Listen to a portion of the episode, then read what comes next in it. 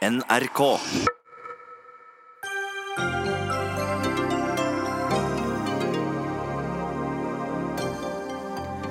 I dag ble det klart. KrF går inn i regjeringsforhandlinger, og det med entusiasme, ifølge ledelsen. Større enn jula jubler fotballkommentatorer. Ole Gunnar Solskjær skal lede Manchester United. Over 2000 arter er utrydningstruet i Norge. Miljødirektoratet prioriterer kun to av dem. Arbeiderpartiet vil avvise klimaflyktninger, og Frp har ikke hørt ett godt argument for at Norge skal bli medlem av Sikkerhetsrådet. Kanskje kommer de i Dagsnytt 18.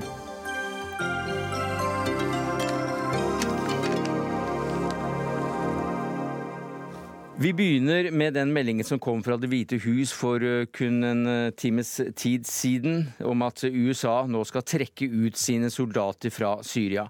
Hva mer vet du om dette, Anders Magnus, du er vår USA-korrespondent?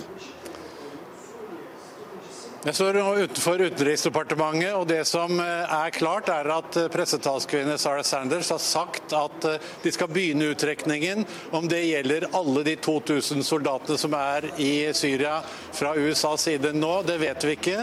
Men det er klart at dette er en beslutning som også kommer til å vekke sterk kritikk her i USA. Annet så har en av Trumps eh, sterkeste støttespillere i Kongressen, nemlig senator Lindsey Graham fra Det republikanske parti, sagt at dette her er et svik mot eh, samarbeidspartnerne i eh, Syria, som jo er de syriske demokratiske styrkene og kurdiske, de kurdiske styrkene YPG. Og Han sier også at dette kan føre til at Eh, IS ikke blir drevet ut, og at det blir en støtte også til til eh, Syrias eh, hersker Bashar al-Assad. Og Jeg har med meg utenriksminister Ine Eriksen Søreide. Er du enig i den kritikken fra Graham om at det er eh, dårlig nytt for de demokratiske styrkene og for kurderne i Syria at USA nå trekker seg ut? Ja, det har vært blant de tingene jeg tok opp i mitt møte med Pompeo nå, at man må sørge for å ivareta partnerstyrkene på en god måte. De har gjort og gjør en veldig viktig innsats i kampen mot ISIL. Og vi har vært eh, engasjert og er engasjert i den kampen langs alle linjer, både militære, politiske, økonomiske. Og det er viktig å vite at eh, selv om mye av den territorielle kampen mot ISIL er vunnet, så er det fortsatt mange lommer med ISIL-krigere og, og betydelig motstand og risikoen for at de kan få et sterkere fotfeste igjen, er absolutt til stede. Men Sa du da til utenriksminister Mike Pompeo at USA ikke burde trekke seg ut av Syria? Dette er jo nå nettopp bekrefta fra amerikanernes side, og nøyaktig hvordan dette kommer til å skje, er jo blant de tingene Pompeo sa at de nå jobber med. Blant annet så ønsker USA fortsatt å ha et nærvær som dreier seg om antiterrorstyrker, og mye av diskusjonen vil jo bl.a. bli hvor store de skal være, hvor mange og eventuelt hvor lenge de skal være til stede. Og Det vil også være avgjørende for den innsatsen USA fortsatt eh, kan gjøre på bakken. og Det, et, eh, det var en tydelig beskjed fra Pompeo også, at de verken forlater Syria eller engasjementet i kampen mot ISIL, men at de ønsker å gå over i en ny fase. Vi har pekt på det vi mener er risikomomentene med det. Og vi skal jo ha et anti-ISIL-møte, et koalisjonsmøte her i Washington i begynnelsen av februar, og jeg antar at vi da også vet mer om hvordan amerikanerne ser for seg dette framover. Men dette kan få konsekvenser for den norske innsatsen også? Norge har ikke styrker i Syria. Vi driver opplæring og trening av styrker i Irak. Eh, og Det er en viktig del av kampen mot ISIL, fordi vi ser at det fortsatt er behov for å trene opp irakiske styrker. Ja, men vi støtter jo YPG. Vi ser at det fortsatt er behov for å trene opp irakiske styrker, nettopp i kampen mot de lommene av ISIL-motstand som fortsatt er til stede.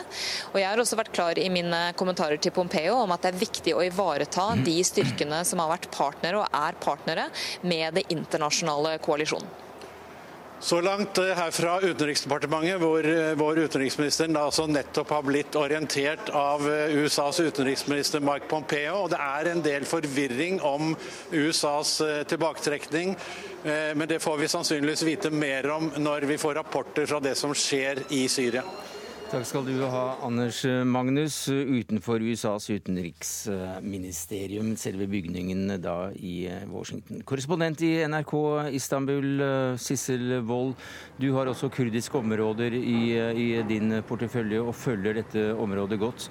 Er det kommet noen reaksjoner på den timen som har gått siden denne meldingen kom? Ja, jeg har snakket med en bekjent i eh, Kobani, i den kurdiske delen av Syria, som jo eh, dette gjelder. Og han sa at eh, det er ganske forvirrende, de vet ikke helt. Hvis amerikanerne trekker seg ut, så er jo det litt bekymringsfullt, men de tror at det kommer til å være igjen en del amerikanske militære rådgivere, som det heter. Selvfølgelig er dette et slag for YPG, for de kurdiske militante gruppene som har kjempet mot IS sammen med bl.a. Eh, USA.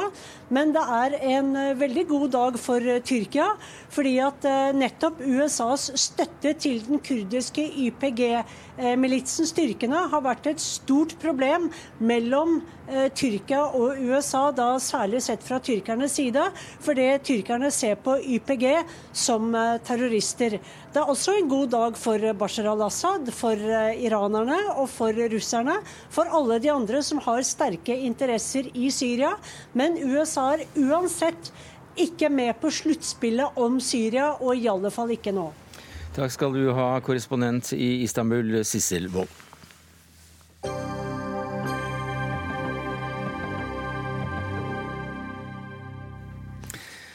Ja, I dag sa altså um, KrFs uh, landsstyre og stortingsgruppe ja til å gå inn i regjeringsforhandlinger over uh, jul, ut ifra de signalene som da har kommet uh, under sonderingsarbeidet.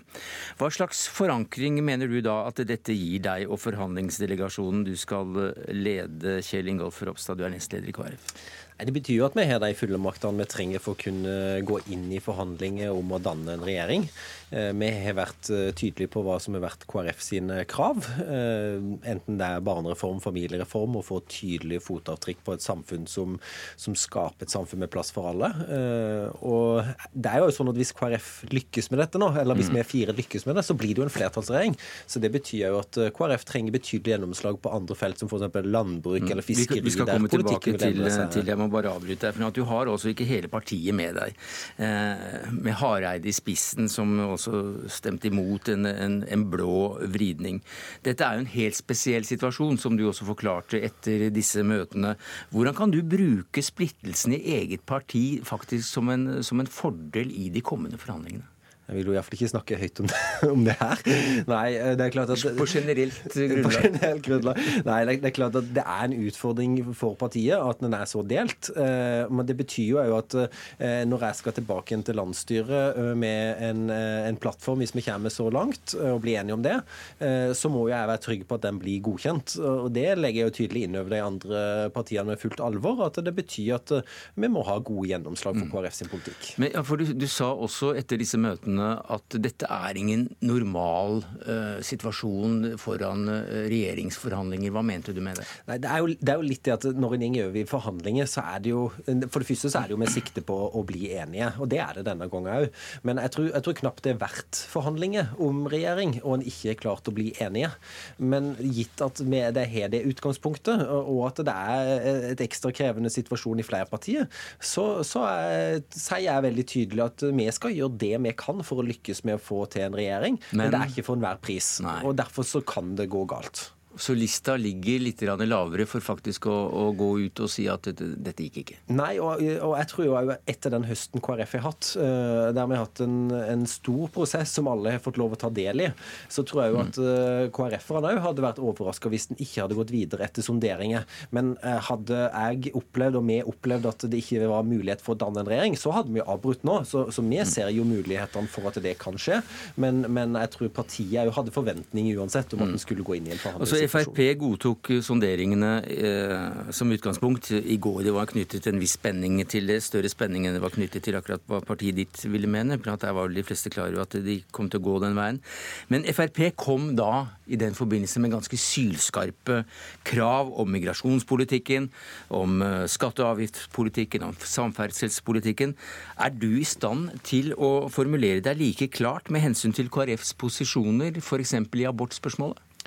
Vi har jo vært veldig tydelige på hva som vi trenger. Eh, enten ja, Hva trenger dere da i abortspørsmålet? Ja, eh, Nå kommer ikke jeg til å forhandle ferdig alle mine posisjoner. Nei, men Du hørte tydelig... Frp i går, og de gikk jo ganske langt i akkurat hva de kom til å kreve i konkrete spørsmål. De var ikke veldig konkrete på innvandring jo, eller nei, på, på skatt de, de, eller på samferdsel? Jo, de var mer konkrete enn det du har vært nå på abort. Ja, nei, men Vi har jo vært veldig tydelige. Vi ønsker jo et samfunn med plass for alle. Alle ser utfordringene knytta til psykisk helse og jaget etter det perfekte. Og vi tror at det å skape gjennom en likeverdsreform sikrer bedre ordninger for mennesker Men må du med... få noe på abort? Jeg skal ikke si det her og stille ultimatum, men Nei. vi har tydelig forventning om på bioteknologi, på abort, at det skal være en endring i, i, i, i det hvis vi, hvis vi, skal få til en plattform. Eh, du har jo ganske uttalt deg ganske klart til, til pressekorpset om at du kommer ikke til å si noe særlig mer enn en dette. men men hva da med, med regjeringstaburetter? Altså, er det deg eller Hilde Frafjord Jonsson som blir den nye utenriksministeren, f.eks.? Nei, jeg tror du skal leve i spenning eh, med de posisjonene. og Uansett så er det viktigste for KrF nå det er jo å få et godt politisk eh, grunnlag. Og jeg tror at Skal vi lykkes, så er det når du peker på, på tydelige krav fra Frp, så er vi fire partier som må, må kunne gå ut og se at dette er noe vi er fornøyd med. Og det er vi òg klar over, at det, det, er sånn forhandlinger fungerer. Eh, men, men jeg legger veldig tungt inn over det andre andre at eh, skal de lykkes med å få en flertallsregjering, så vil gjøre det mye enklere for dem. Mm. Husk hvor krevende dette året har vært for dagens mm. regjering. Også for eh, lederen Hareide, som jo smilte og sa at dette var et enstemmighet i, i partiet ut fra de møtene dere hadde hatt. Ja, eh, og det var det heldigvis. Mm. Eh, var det et smil gjennom tårer, tror du? det, var, det, var, absolutt folk som, som, var fremdeles uenige, og det mm. vet jeg jo Knut Arild Lau er. Men når landsmøtet har sagt sitt, så er heldigvis eh, stortingsgruppa og Knut Arild ikke minst innstilt på å gjennomføre det og gjøre det vi kan for å få mest mulig gjennomslag for KrF sin politikk. Blir det en fredelig jul, eller blir det nå kontinuerlige møter over en gløgg i romjula? nå blir det fredelig jul. Mm. Iallfall med, med uten noe Jeg skal slippe å møte de andre partiene, men jeg kommer nok til å drive forberedelser. Det kommer nok til å gjøre. Hva ga du Erna Solberg til jula? Jeg har ikke gitt henne noe, men eh, det å gi henne en mulighet til å kunne danne en flertallsregjering, tror jeg er kanskje den beste julegaven hun kan få. Takk skal eh, du ha, nestleder i eh, KrF Ropstad. Vi går til deg, Lars Nehru Sand, for å høre hva dette da egentlig betyr. Politisk kommentator i NRK, hva skiller disse forhandlingene fra andre regjeringsforhandlinger?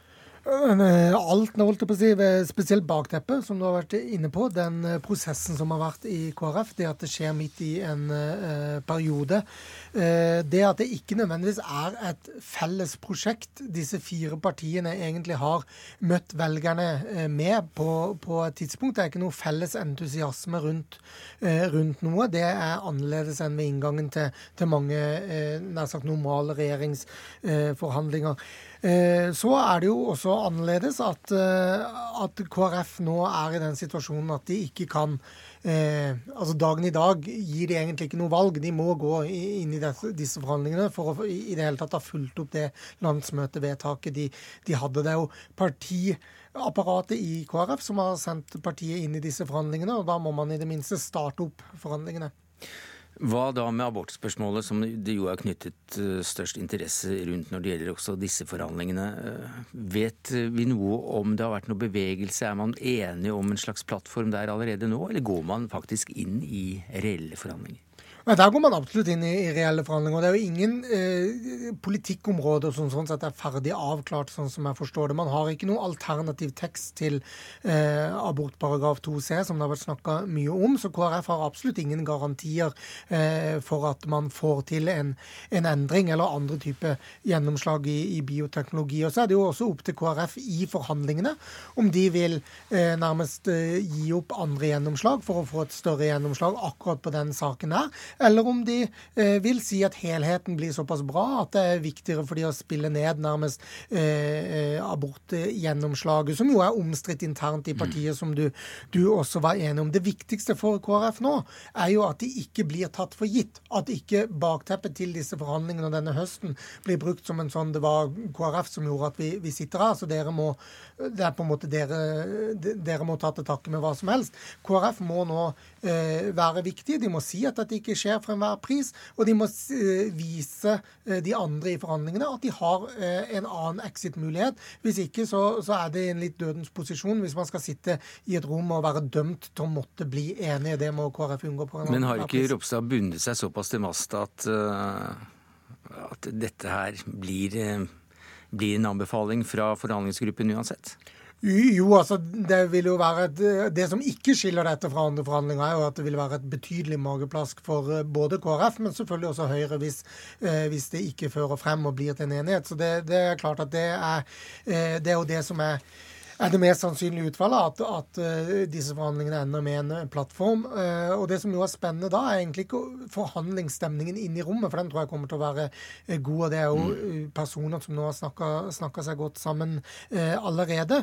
Men det som jo vil skje når de forhandlingene er ferdige og det utkastet til plattform er klar, det er jo at dette vil bli lest og, og lett etter med lys og lykte i KrF, om de har fått nok. I Frp om de har gitt for mye. Ja, Hvordan er situasjonen i KrF akkurat når det gjelder dette? Altså, er det en stor velvilje, selv om man egentlig ønsket Rødt i store deler av leiren? Det, det er en eh, hva skal jeg si for noe, erkjennelse og forståelse av at man må følge opp eh, landsmøtevedtaket. Jeg tror det alle ser, er at eh, det som KrF ikke vil være tjent med, er at man eh, vingler enda mer og, og, skulle gå tilbake for det. Nå, nå har landsmøtet sagt at man skal eh, forhandle og bli, bli, enig med en blå eh, regjering, og i hvert fall gjøre det fullt ut først. og Da må man ha et reelt forsøk, og det får vi først i, i januar. Og Det som skjer hvis KrF ikke går inn i denne regjeringen, det er spennende å se. Eh, da blir vel enten en fortsatt eh, opposisjonstilværelse, eller at man åpner for å felle regjeringen Solberg i løpet av perioden. Og Hva da med Ropstads politiske framtid? Ja, Den vil nok se svært annerledes ut hvis man, man, ikke blir enig, men det er jo også det minst sannsynlige. Takk skal du ha, Lars Nehru Sand.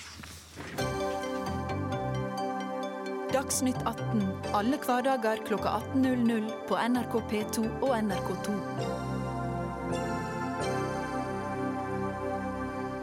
Det norske utenriksdepartementet har lenge jobbet på høygir for å få plass på det som er kalt verdens viktigste catwalk for internasjonal politikk, FNs sikkerhetsråd. Men Frp er skeptiske til dette prosjektet, utenrikspolitisk talsmann Christian Tybring-Gjedde. Hvorfor det? Fordi vi ikke har fått noen god eh, forklaring på hvorfor det er så viktig for oss å komme inn i Sikkerhetsrådet.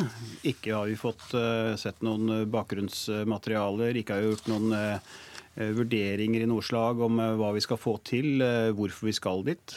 Det eneste vi har fått vite, er at det har kostet nær 30 millioner kroner nå i, i valgkamp for å komme inn dit.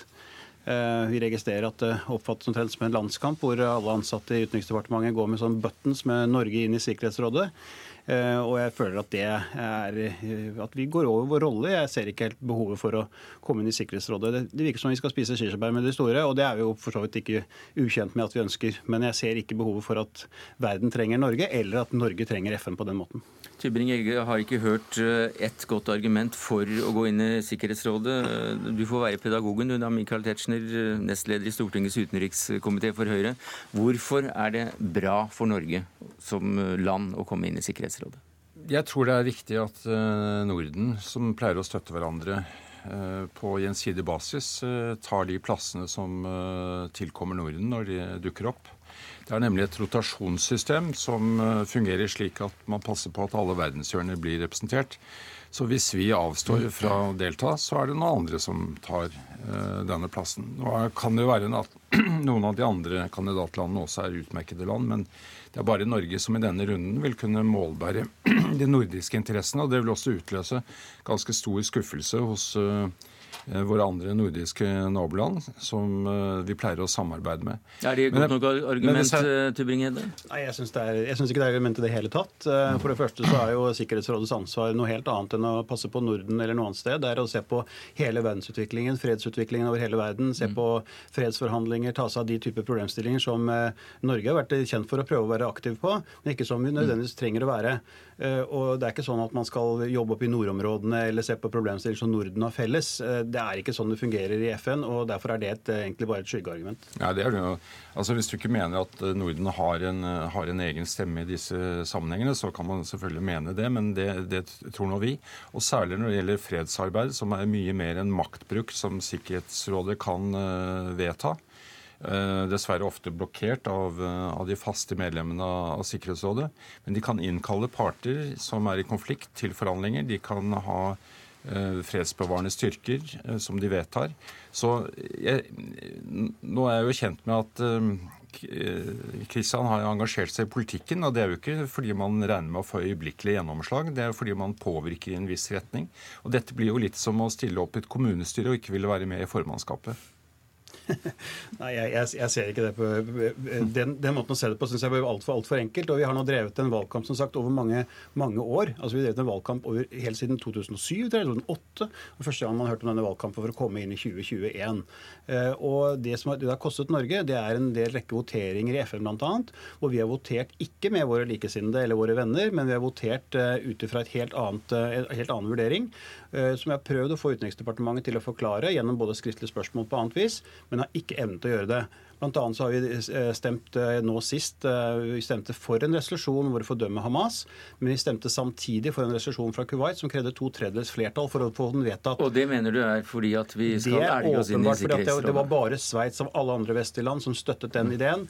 Og når det gjaldt andre resolusjoner, så har vi ikke trengt to tredjedels flertall, f.eks. For, for å dømme Israel. Ja, det er en nedside her i det arbeidet Nei, for, å, det, for å komme inn i Sikkerhetsrådet? Jo, jo, men det vil jeg ta avstand fra. At, at Norge tilpasser sine oppfatninger for å bli valgt. Det er ikke derfor. Det er jo nettopp for å få eh, de særstandpunktene som eh, målbæres av, av, vårt hjørne av verden, med vekt på menneskerettigheter og likestilling, og, og rettsstat som også oppbygges eller uh, utvikles av, av Sikkerhetsrådet. F.eks. Norge er på ett område en stormakt, og det gjelder havretten. Og eh, Sikkerhetsrådet er jo nettopp den som også vedtar nye bestemmelser for havene. Så dette betyr at hvis vi avstår her, så mm. står vi i fare for å miste eh, alvorlig en, en, en, en eh, mulighet for å, å, å, påvirke rettsutviklingen. For man skal ikke undervurdere hva Sikkerhetsrådet også gjør på disse områdene. Eh, de har et dårlig image pga. de situasjonene f.eks. i Syria hvor de har vært lammet. Men eh, de er det sentrale og mest maktfulle eh, stedet i FN. Og også hvis man vil reformere FN, som jeg tror både Kristian og jeg vil, Eh, så må det skje ved innflytelse i Sikkerhetsrådet. Det er flere gode argumenter her. Eh, Nei, det, det, er ikke det. For det første, Hvis du går tilbake og ser på historikken til Sikkerhetsrådet, så høres det mulig at det var intensjonen med Sikkerhetsrådet, men i dag så fungerer den ikke på den måten. Sikkerhetsrådet består av 15 nasjoner. Fem av disse nasjonene har vetorett, og de brukes ofte. Og disse fem nasjonene det er jo Frankrike, Storbritannia, USA, Kina og Russland. Og alle har ulike ambisjoner i ulike retninger. Og det er klart at eh, vetomakten blir brukt ofte. Så må Norge da finne sin posisjon her. Jo, men F.eks. når det gjelder havretten. Eh, hvis Sikkerhetsrådet har noe å si i den saken, så er det veldig Norges interesser å være til stede der beslutninger fattes? Det, for det første så er jo ikke det, det at man skal følge det som Sikkerhetsrådet fatter av beslutninger. Første så gjøres det bare i, i mindre grad. Men i hvilken grad de, Norge kan påvirke havretten i den, i, den, i den, settingen der, det tviler jeg sterkt på. Er, det er en ideell situasjon, eller en ønsket situasjon, men i en realistisk situasjon er det overhodet ikke. Lille Norge vil ha veldig lite de skulle sagt. Og det ene øyeblikket er det Norden vi skal sette neste gang er det havet som er viktig. Men Utenriksdepartementet, eh, Utenriksdepartementet nevner spesielt norske verdier som da kan dras opp i en større sammenheng, f.eks. menneskerettigheter og fredsarbeid. Du, du, har ikke lyst til at dette skal spres eh, videre da, gjennom en, en, veldig klar posisjon i Sikkerhetsrådet? Altså, vi konkurrerer mot Irland og Canada. Så ta Canada som eksempel. altså Hvor ulikt er Norge fra Canada her på menneskerettigheter, likestilling og andre aspekter når det gjelder menneskerettigheter? Det er minimalt. Eh, det er åpenbart at dette er et større spill for Norge. Det er mer i potten enn at man skal ha idealisme og ønske for havretten og på likestilling. Ja, Hvilket spill er det du tror det foregår her? Dette er spill, selvsagt er det spill på diplomatiet, det er spill på byråkratiet, på embetsverket. Ja, så du mener at eh, denne kampanjen den, den eh, pågår for, av interesse for embetsverket ja, og, og diplomatiet? Ikke bare det, jeg sier ikke kun det, men det er klart, det er jo ikke noe, det er ikke noe hemmelighet, det. Det er i alle land. altså Det er en valgkamp vi driver her. og Hvis de ikke hadde noen ting å si, så er det klart at entusiasmen hadde ikke vært like stor. Eh, vi bytter jo ambassadør, og vi, vi gjør en rekke ting nå for, i håp om å komme inn der. Eh, så, så, så, så, det, Man må ikke la seg overraske om at man har ambisjoner å komme inn der. Er det derfor man, man driver forhandlinger? La oss eh, sammenligne denne kritikken som jeg syns var berettiget når Fremskrittspartiet fremførte den, for øvrig sammen med også andre samarbeidspartier. Nemlig at i Menneskerettighetsrådet så har det altså sittet eh, land som eh, gjør det sitt beste for å unngå å ha menneskerettigheter. Og så har de siste årene lagt om uh, strategien, nemlig de har gått inn i disse FN-organene og preget dem og fått definert F.eks. religionskritikk som nærmest rasisme. Og Derfor er det jo veldig viktig at de vestlige, som har vestlige verdier, og som ønsker ytringsfrihet og demokrati og rettsstat, at de møter opp og ikke overlater f.eks. ledelsen av Menneskerettighetsrådet Jo, men vi kjemper også mot Canada og Irland, og det er vel ikke noe verstingland? Nei, det er ikke det. Men det er, altså det er jo en grunn til at vi fikk en egen utenriksledelse i, i 1905 og ikke overlot alt til Sverige. Ellers kunne vi jo bare forlenget deres periode. De er inne nå, og de skal ut. Så jeg syns det eh, ville vært veldig synd hvis Norge da skulle følge rådene fra Fremskrittspartiet her og, og tre ut av den rekken. Og så For øvrig må jeg si at de tallene som Kristian uh, kommer med her på hva det har kostet, de er jo helt Eh, andre enn de han fikk da han stilte spørsmål om dette til utenriksministeren i skriftlig spørsmål i, i, april i år. Ja, For da var det 5,1 millioner Ja, det er rundt 5 millioner. Og, og det er først fra 2016 at man har hatt dedikerte ressurser til dette. Ellers har dette vært en del av det vanlige mm. diplomatiske arbeidet. Man gjør også store investeringer nå i, eh, i bygningsmateriell også i New York, men det er en annen ja, ja, sak. Nei, nei ikke, det er kanskje ikke en annen sak. For Ifølge eh, Aftenposten skal Norge kjøpe en ny leilighet for FN-ambassadøren for 100 millioner kroner. Ja, altså, jeg, jeg, er, er, tror du det er riktig, Tetzschner, at vi altså, går inn og investerer såpass mye i en bolig? Jeg sitter med det svaret som eh, Christian Tybring-Gjedde fikk av utenriksministeren, som avgir disse opplysningene under parlamentarisk ansvar. Um, og um, og eh, da ser jeg at eh, dette tilsvarer altså under 2% av det Oslo kommune var villig til å bruke på en OL-søknad som ikke ble noe av. Men 100 millioner kroner for en ny leilighet i New York eh, ja, Det bygger jo i hvert fall opp under argumentasjonen at det også har noe å si for ja, diplomater og de som blir valgt til å bo der. Ja, men du kan si Det har jo ikke noe med om man kommer inn i Sikkerhetsrådet eller ikke. Mm. hva Statens forvaltningstjeneste gjør der, det, jeg, jeg, går gjerne på jakt etter, etter, penger hvis det er noe å hente der. Det skal jeg love ja, altså, Mikael, jeg er ikke uenig om akkurat det. Vi skal nok finne ut av disse 100, 100 millionene. Men det jeg syns vi kan uh, være enige om, det er at vi gjør en konsekvensutredning før vi uh, går inn her og ser hva er det vi ønsker å få til. Hvorfor er vårt kandidatur viktigere enn andres kandidatur? Er det i Norges interesser? Er det i folkets interesser? Er det de som har valgt hos interesser? Kan vi ikke prøve å gå gjennom det istedenfor å si at det er i Norges interesse, punktum, og så diskuterer vi ikke mer.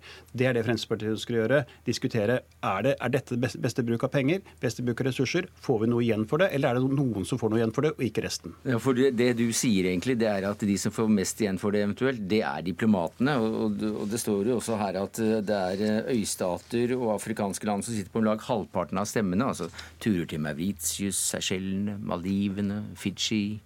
Er det det som drar? Nei, det vil jeg ikke tro. Altså, for, for, de som har vært med på det internasjonale, så er selve reisingen ikke så eksotisk som, som, det kan se ut herfra.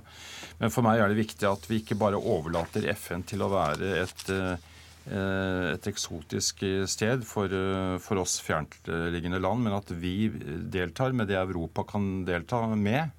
Eh, og ikke overlater resten av Sikkerhetsrådet til, til land som står oss eh, fjernt. Kasakhstan, Ekvatorial-Guinea, Elfenbenskysten er utmerket lang mange av disse, men de har ikke de samme perspektivene. og Det er jo nettopp det som er poenget med FN, at alle kommer med sin historie.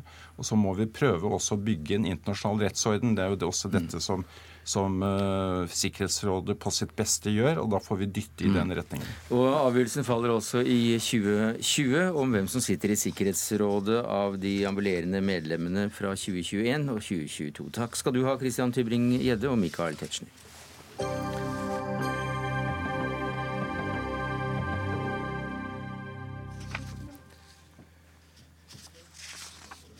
Så venter vi på at folk skal komme inn for å snakke om eh, ja, det, er jo rett og slett eh, den store eh, snakkisen Arne Skeie. Er det ikke det i dag, da? Og det er jo en fantastisk hyggelig nyhet. Og jeg vil jo si det er for meg bortimot uvirkelig at Ole Gunnar Solskjær skal lede verdens største, viktigste klubb som har nedslagsfelt i alle verdensdeler. Alle i verden har et forhold til Manchester United, og der skal en nordmann nå lede klubben. Ja, Hva følte du for å stille sp spørsmålet? Nei, jeg, jeg så i da, går... da, da, du hørte denne nyheten? Ja, da ble jeg eh, overrasket, gledelig overrasket. Men jeg hadde jo sett i går at eh, to franskmann, eh, Blad og Zidane, var øverst på lista for eh, fast ansettelse foran Solskjær. Men bak Solskjær var jo alle de store fotballnavnene i verden. Så da jeg fikk dette, så var det utrolig morsomt at Ole Gunnar fikk denne. Og det er jo ikke uten grunn han har fått denne jobben. Vi vet jo bakgrunnen hans i Manchester United som spiller, som en fremragende spiller. Ja, Fjerdevalget som spiss, da. Eh, ja, nei, ja, du, du, vil vel kanskje ikke si det når du går tilbake til 99-sesongen og de seks mesterskapene han vant som, eh, som, liga, eh, som, spiller da i ligaen. Det var jo fantastisk i 99. Avgjorde Champions League-finalen. Og så overgangen da. Fikk jobb, tok seg reservelaget, var i akademiet. En, og i tillegg da en lojalitet og en disiplin selv som spiller. Sto igjen og trente på alle verdens ting. Så dette er til de grader fortjent. Og eh, Manchester United vet jo hva de har gjort.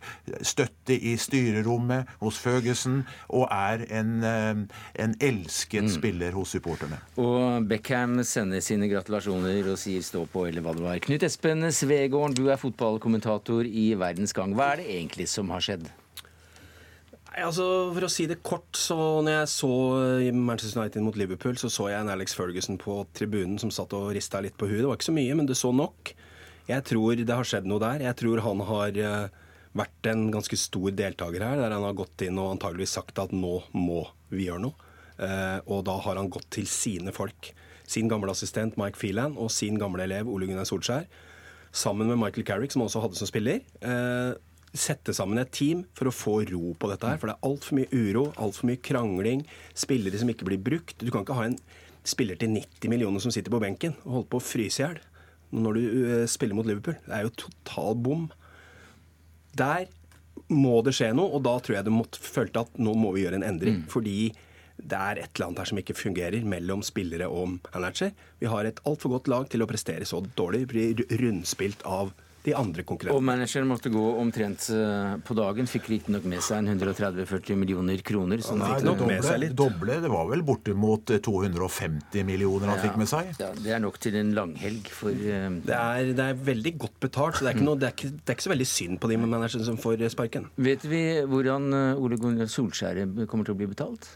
Jeg aner ikke, men det er garantert veldig godt. Mm. Uh, men, men, men, han har ikke tatt den jobben her pga. pengene. Nei, Men han eh, er jo da, har ikke fått jobben som sådan. Han er et, en slags tilkallingsvikar for, eh, for, fem måneder. Han har jo gjort det litt vanskelig for sin gamle klubb. Det må vi jo bare innse at der vet vi jo nå ikke hva som skjer. I Molde? Vi vet jo ikke om Nei. han kommer tilbake i mai. Vi vet jo ikke om han fortsetter i England, om han får tilbud fra en annen klubb. Vi ja, vet hvor, ikke noe. Nei, hvor, hvor, hvor, sannsynlig er det at han klarer å overbevise gjennom prestasjoner at han bør eh, få fast ansettelse? Denne businessen, denne, businessen, er jo basert på resultater. Mm. Så hvis Ole Gunnar eh, får gode resultater i ligaen, i cupen, gjør det godt i Champions League, så skal jeg jo gjerne se se den eh, manager de foretrekker da til sommeren fremfor Ole Gunnar. Så her er det snakk om resultater. Får han det, mm. så ser jeg ikke bort fra at Solskjær er permanent manager i Manchester United fra sesongen 1920. Nei, og Han har da altså tiden på seg, var det til 15. mai, da Premier League eh, avgjøres, eh, til å overbevise styret og stell Det er helt riktig. Samtidig så er det klart at en så stor klubb som United må jo jobbe parallelt her. Mm, ja. I utgangspunktet så er han en vikar som nå har fått lånt fra en annen klubb i fem måneder. Eh, det er jo ikke sikkert at de er, egentlig er villige til å ut, altså fortsette det. Det kan godt være at de allerede har bestemt seg for f.eks. Pochettino ja. på Tottenham, som veldig mange prater om, og som jeg også tror kunne vært en veldig veldig god mann for Manchester United. Som jeg tror hadde passa veldig godt der. Det er jeg helt enig i, men hvis resultatene er der, så blir det i hvert fall et valg styrerommet må gjøre. Og ser man på, eh, på de eh, neste kampene til Manchester United, så er jo ingen kamper lette i England. Men eh, de fire fram til nyttårshelgen ser ikke for gærne ut. Cardiff og Newcastle borte, Bournemouth og Huddersfield hjemme, og så en cupkamp i tredje runde hjemme mot Reading. Mm. Så kommer han godt i gang her, så kan mye være gjort. Ja, Det første kampen er også mot Cardiff, et lag han var med å sende ned fra Premier League for eh, fire-fem år siden. Men eh, dette har jo fått en viss oppmerksomhet i Norge. litt. Litt oppmerksomhet. Også, også i Verdens Gang og, og i NRK. Litt, litt, grann. Ja, litt grann. For eksempel så skriver da eh, VG at, eh, at dette eh, Dere sammenligner dette med Jens Stoltenbergs Nato-jobb på kommentatorplass. Ja, Det er vel en kollega av meg som har gjort det. Eh, det han vel mener, er altså det der daglige presset du er utsatt for mm. i eh, verdens største fotballklubb, i ja, den eh, viktigste ligaen som det er 50 000 på alle kamper, der det er tut og kjør hele året. Det er vel det han mener. Egon Holstad som kommentator i avisa i Tromsø og som Liverpool-reporter, hva sier du til dagens hendelse og også dekningen? Jeg vil korrigere til det. Liverpool-supporter mer enn reporter. Jeg skulle gjerne vært det, men ja, jeg er ikke kommet helt dit igjen. Ja.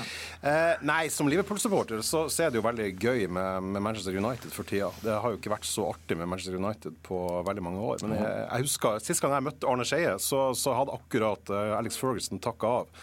Da hadde de vunnet ligaen med tolv poeng med et ungt mannskap. Og Alex Ferguson, som nå har pekt ut Ole, Gunnar Solskjær, hadde akkurat sjøl pekt ut Eh, David Moyes som hans etterfølger. Siden har tre managere blitt, blitt sparka. Eh, det som er litt sånn oppsiktsvekkende å se her, det, er jo at en av verdens mest meritterte, dyreste og ettertrakta managere for få år siden er erstatta av en som, som, kun har oppnådd å, å røkke ned fra Premier League med, med Cardiff, også der han tapt 16 av 30 kamper.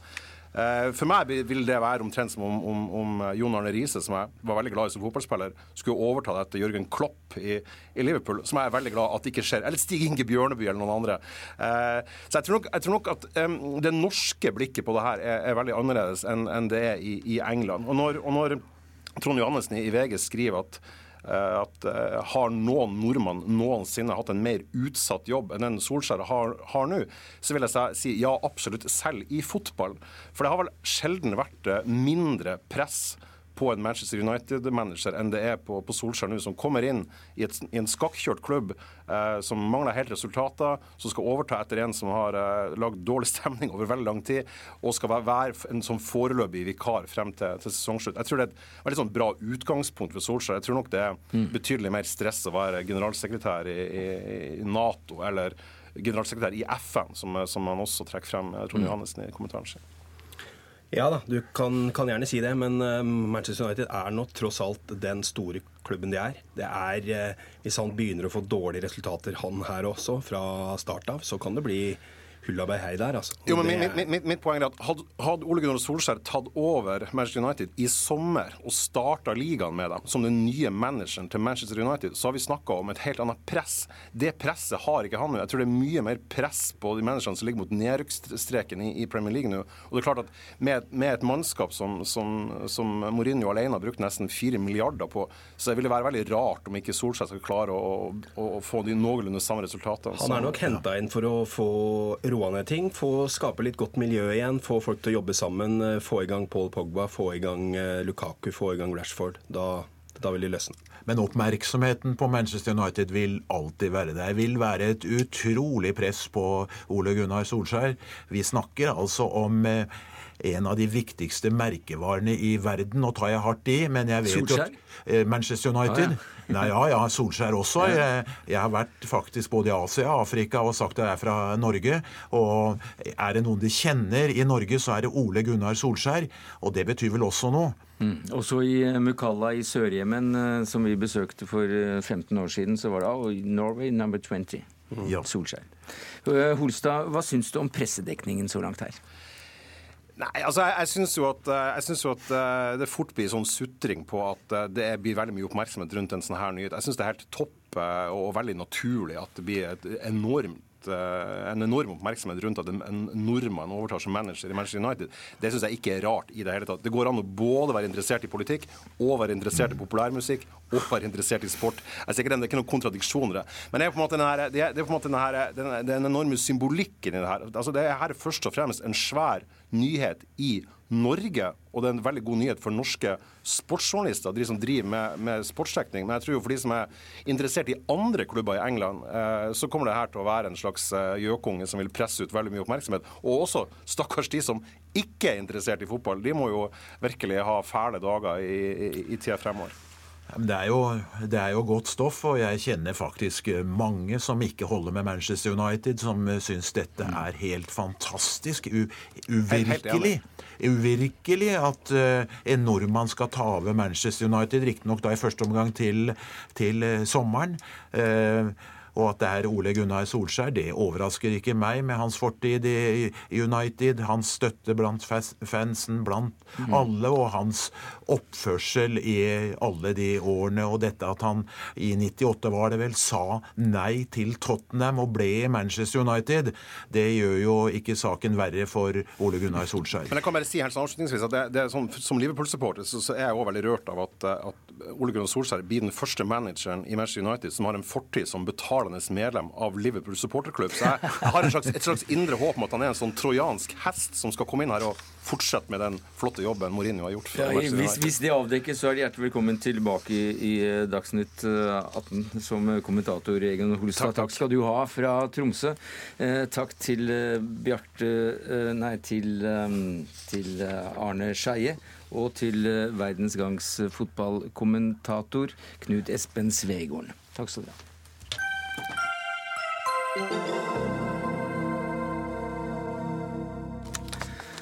Så til naturen rundt oss, for eh, de dør jo ut i rekordfart, eh, disse artene vi omgir oss med. Det gjelder også norske naturtyper, dyr og planter. Så det å forbedre tilstanden eh, Da er det lagt ned et arbeid fra Miljødirektoratet, som kom med en rapport med anbefalinger om hvordan vi best kan ta vare på de mest truede artene. Og kun to arter havnet i den høyst prioriterte kategorien, og det var elfebenslav og tinnvokssopp, skriver eh, Dagsavisen. Og to stykker, ja det er sjokkerende få, sier du Christian Steele, du er biolog og generalsekretær i naturvernorganisasjonen Sabima. Hvorfor er to så få? Altså, vi skal jo nå til noe som er nesten like viktig som uh, Ole Gunnar Solskjær og fotball, ja. nemlig livsgrunnlaget vårt. Okay. Uh, og, altså, noen tenker kanskje at det er litt sånn sært med disse soppene og billene og, og alle disse artene, men dette er altså alle puslebitene i det som er økosystemene våre, det vi lever av og lever i og lever på. Og internasjonale utredninger har vist at over tre milliarder mennesker faktisk lider under at art, disse artene og denne naturen forsvinner. Det koster 10% av verdens økonomi, og det er umulig å nå både klimamål og bærekraftsmål hvis ikke vi gjør noe med det tapet. Så det er liksom bakteppet. Eh, og nå har altså eh, Miljødirektoratet utreda 90 eh, av de artene som er mest trua, og som samtidig er ansvarsarter for Norge. Altså det vil si at Hvis ikke vi tar vare på dem, så er det en betydelig risiko for at de forsvinner fra Europa eller kanskje hele verden. Så, så vi er liksom bastionen for en gruppe sånne arter som nå eh, Miljødirektoratet har sett på. Og da mener vi at vi burde ha eh, slått eh, hardere til for å stanse det tapet og bevare de enn det. Det er to arter.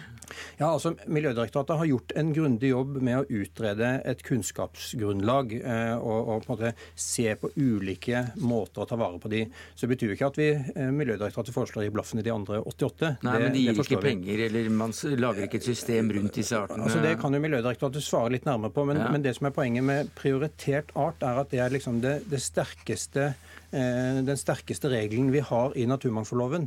Det, ligger, det er jo intuitivt i ordet at det betyr at vi setter disse artene foran andre ting. Eh, og Det er det som bekymrer oss, at vi da for 88 av disse artene som vi har et spesielt ansvar for, så, så stilles dette litt likt med andre interesser i samfunnet. Vi gir ikke denne naturen den forrangen som vi mener at det, det bør få. Og Hvorfor gjør vi ikke det, Bjarte Rambjørg Heide? Du er seksjonsleder i artsseksjonen i Miljødirektoratet. Ja. Uh, utgangspunktet for arbeidet vårt har jo vært at vi har fått et oppdrag fra Klima- og miljødepartementet. Og en sterk føring i det oppdraget var at vi skulle se på alle relevante virkemidler som kunne føre til en bedring i tilstand for de her artene. Men jeg må nesten avslutte, men hvor, hvorfor, priori, hvorfor prioriterte dere bare to? Fordi at vi har tiltak og virkemidler som er langt mindre inngripende, som vil føre til den ønska utviklinga for artene som vi har satt eh, som mål for dette prosjektet. Men det er vel alt i orden? Nei, altså for vi mener at, altså Det er ingen tvil om at av disse 90 artene så er det et stort mangfold. Noen måte, vet vi veldig lite om. Noen kan vi ta vare på, som Heide sier, med andre virkemidler. Men vi, vi tror at mange flere enn disse to burde ha fått eh, lovens eh, sterkeste virkemiddel. sånn at vi vi, vi, var på en måte sikre på at ikke andre fikk forrang. Jeg kan ta et eksempel, eh, og det er huldrestry, som er en fantastisk vakker lav som, som danderer seg nedover grangreinene inne i gammelskogen vår. Og den er faktisk forbilde for eh, juleglitteret, eh, så den passer jo godt nå i disse dager. Og den er altså avhengig av gammelskog, hvor vi har veldig liten påvirkning. Kanskje hver fjerde huldrestry i verden vokser i de norske skogene. Eh, og til nå så har det gått nedoverbakke, nedoverbakke for den. Den er i den nest verste kategorien. Og det betyr altså at det å, å satse på skogvern, på mm. nøkkelbiotoper og det som skogbruket gjør, det har til nå ikke virka.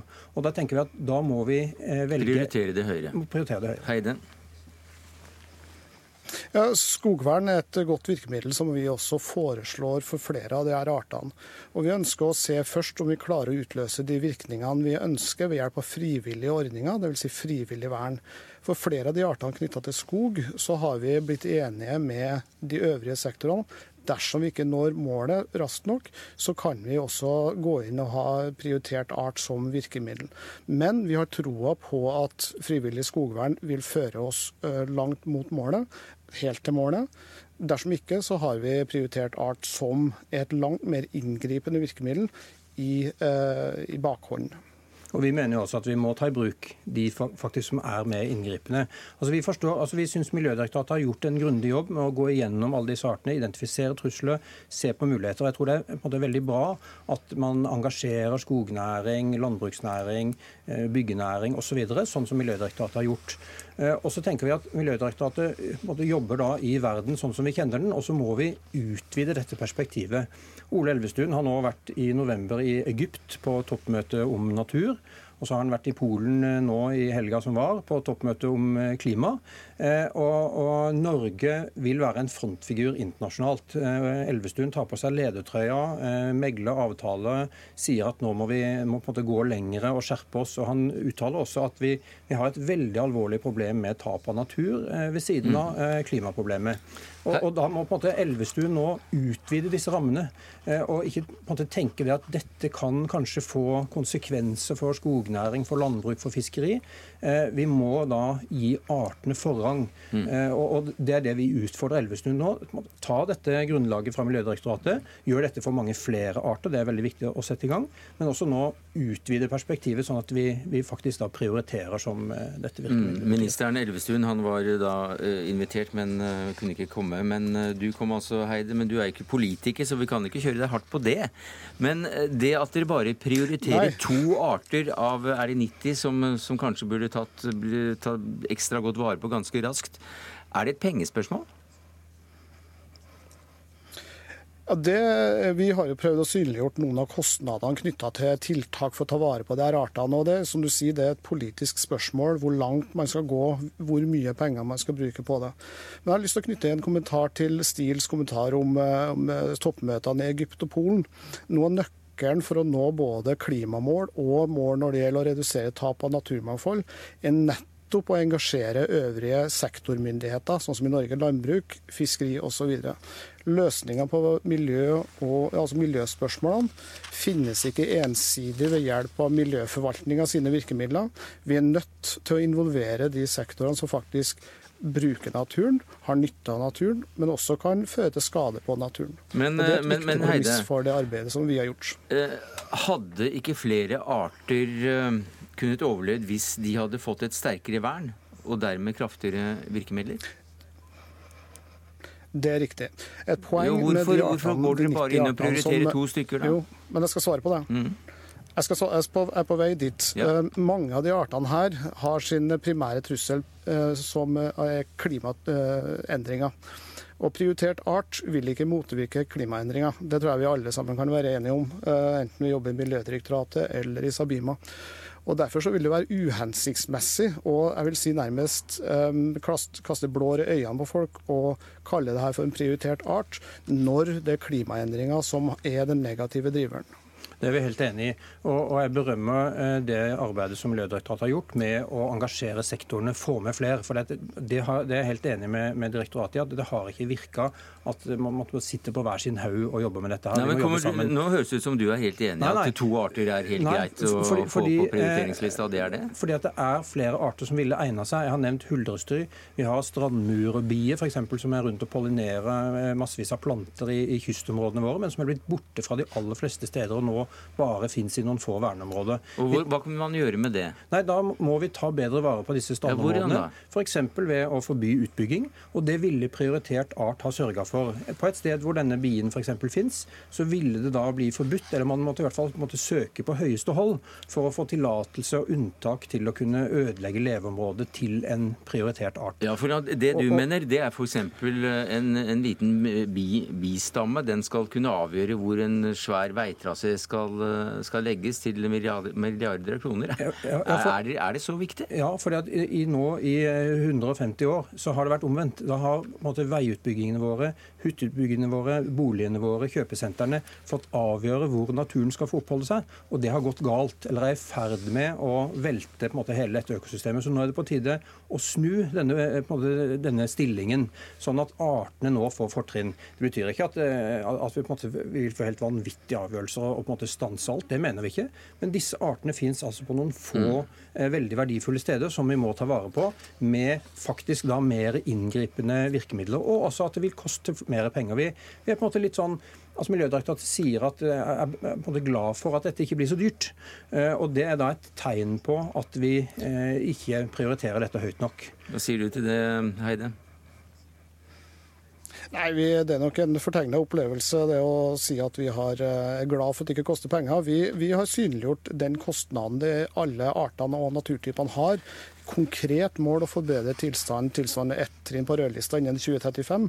Eh, så vi er ikke glad for at det ikke koster penger, men vi er glad for at en del av tiltakene er mulig å gjøre innenfor dagens eh, rammer.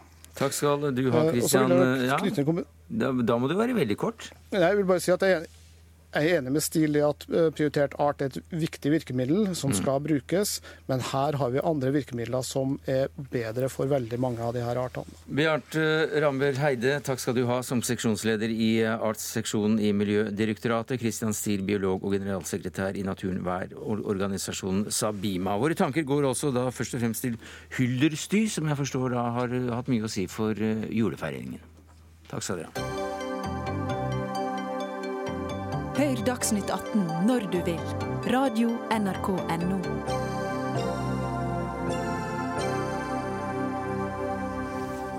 En flyktning som er drevet fra hjemmet sitt pga. krig, kan få opphold i Norge. Men blir du drevet på flukt fordi klimaendringer har sendt sterke stormer og har lagt alt i grus, eller at havet stiger og øya du bor på forsvinner, ja, så får du ikke inngang til kongeriket. Hva synes dere i Flyktninghjelpen om det, seniorrådgiver Pål Nesse?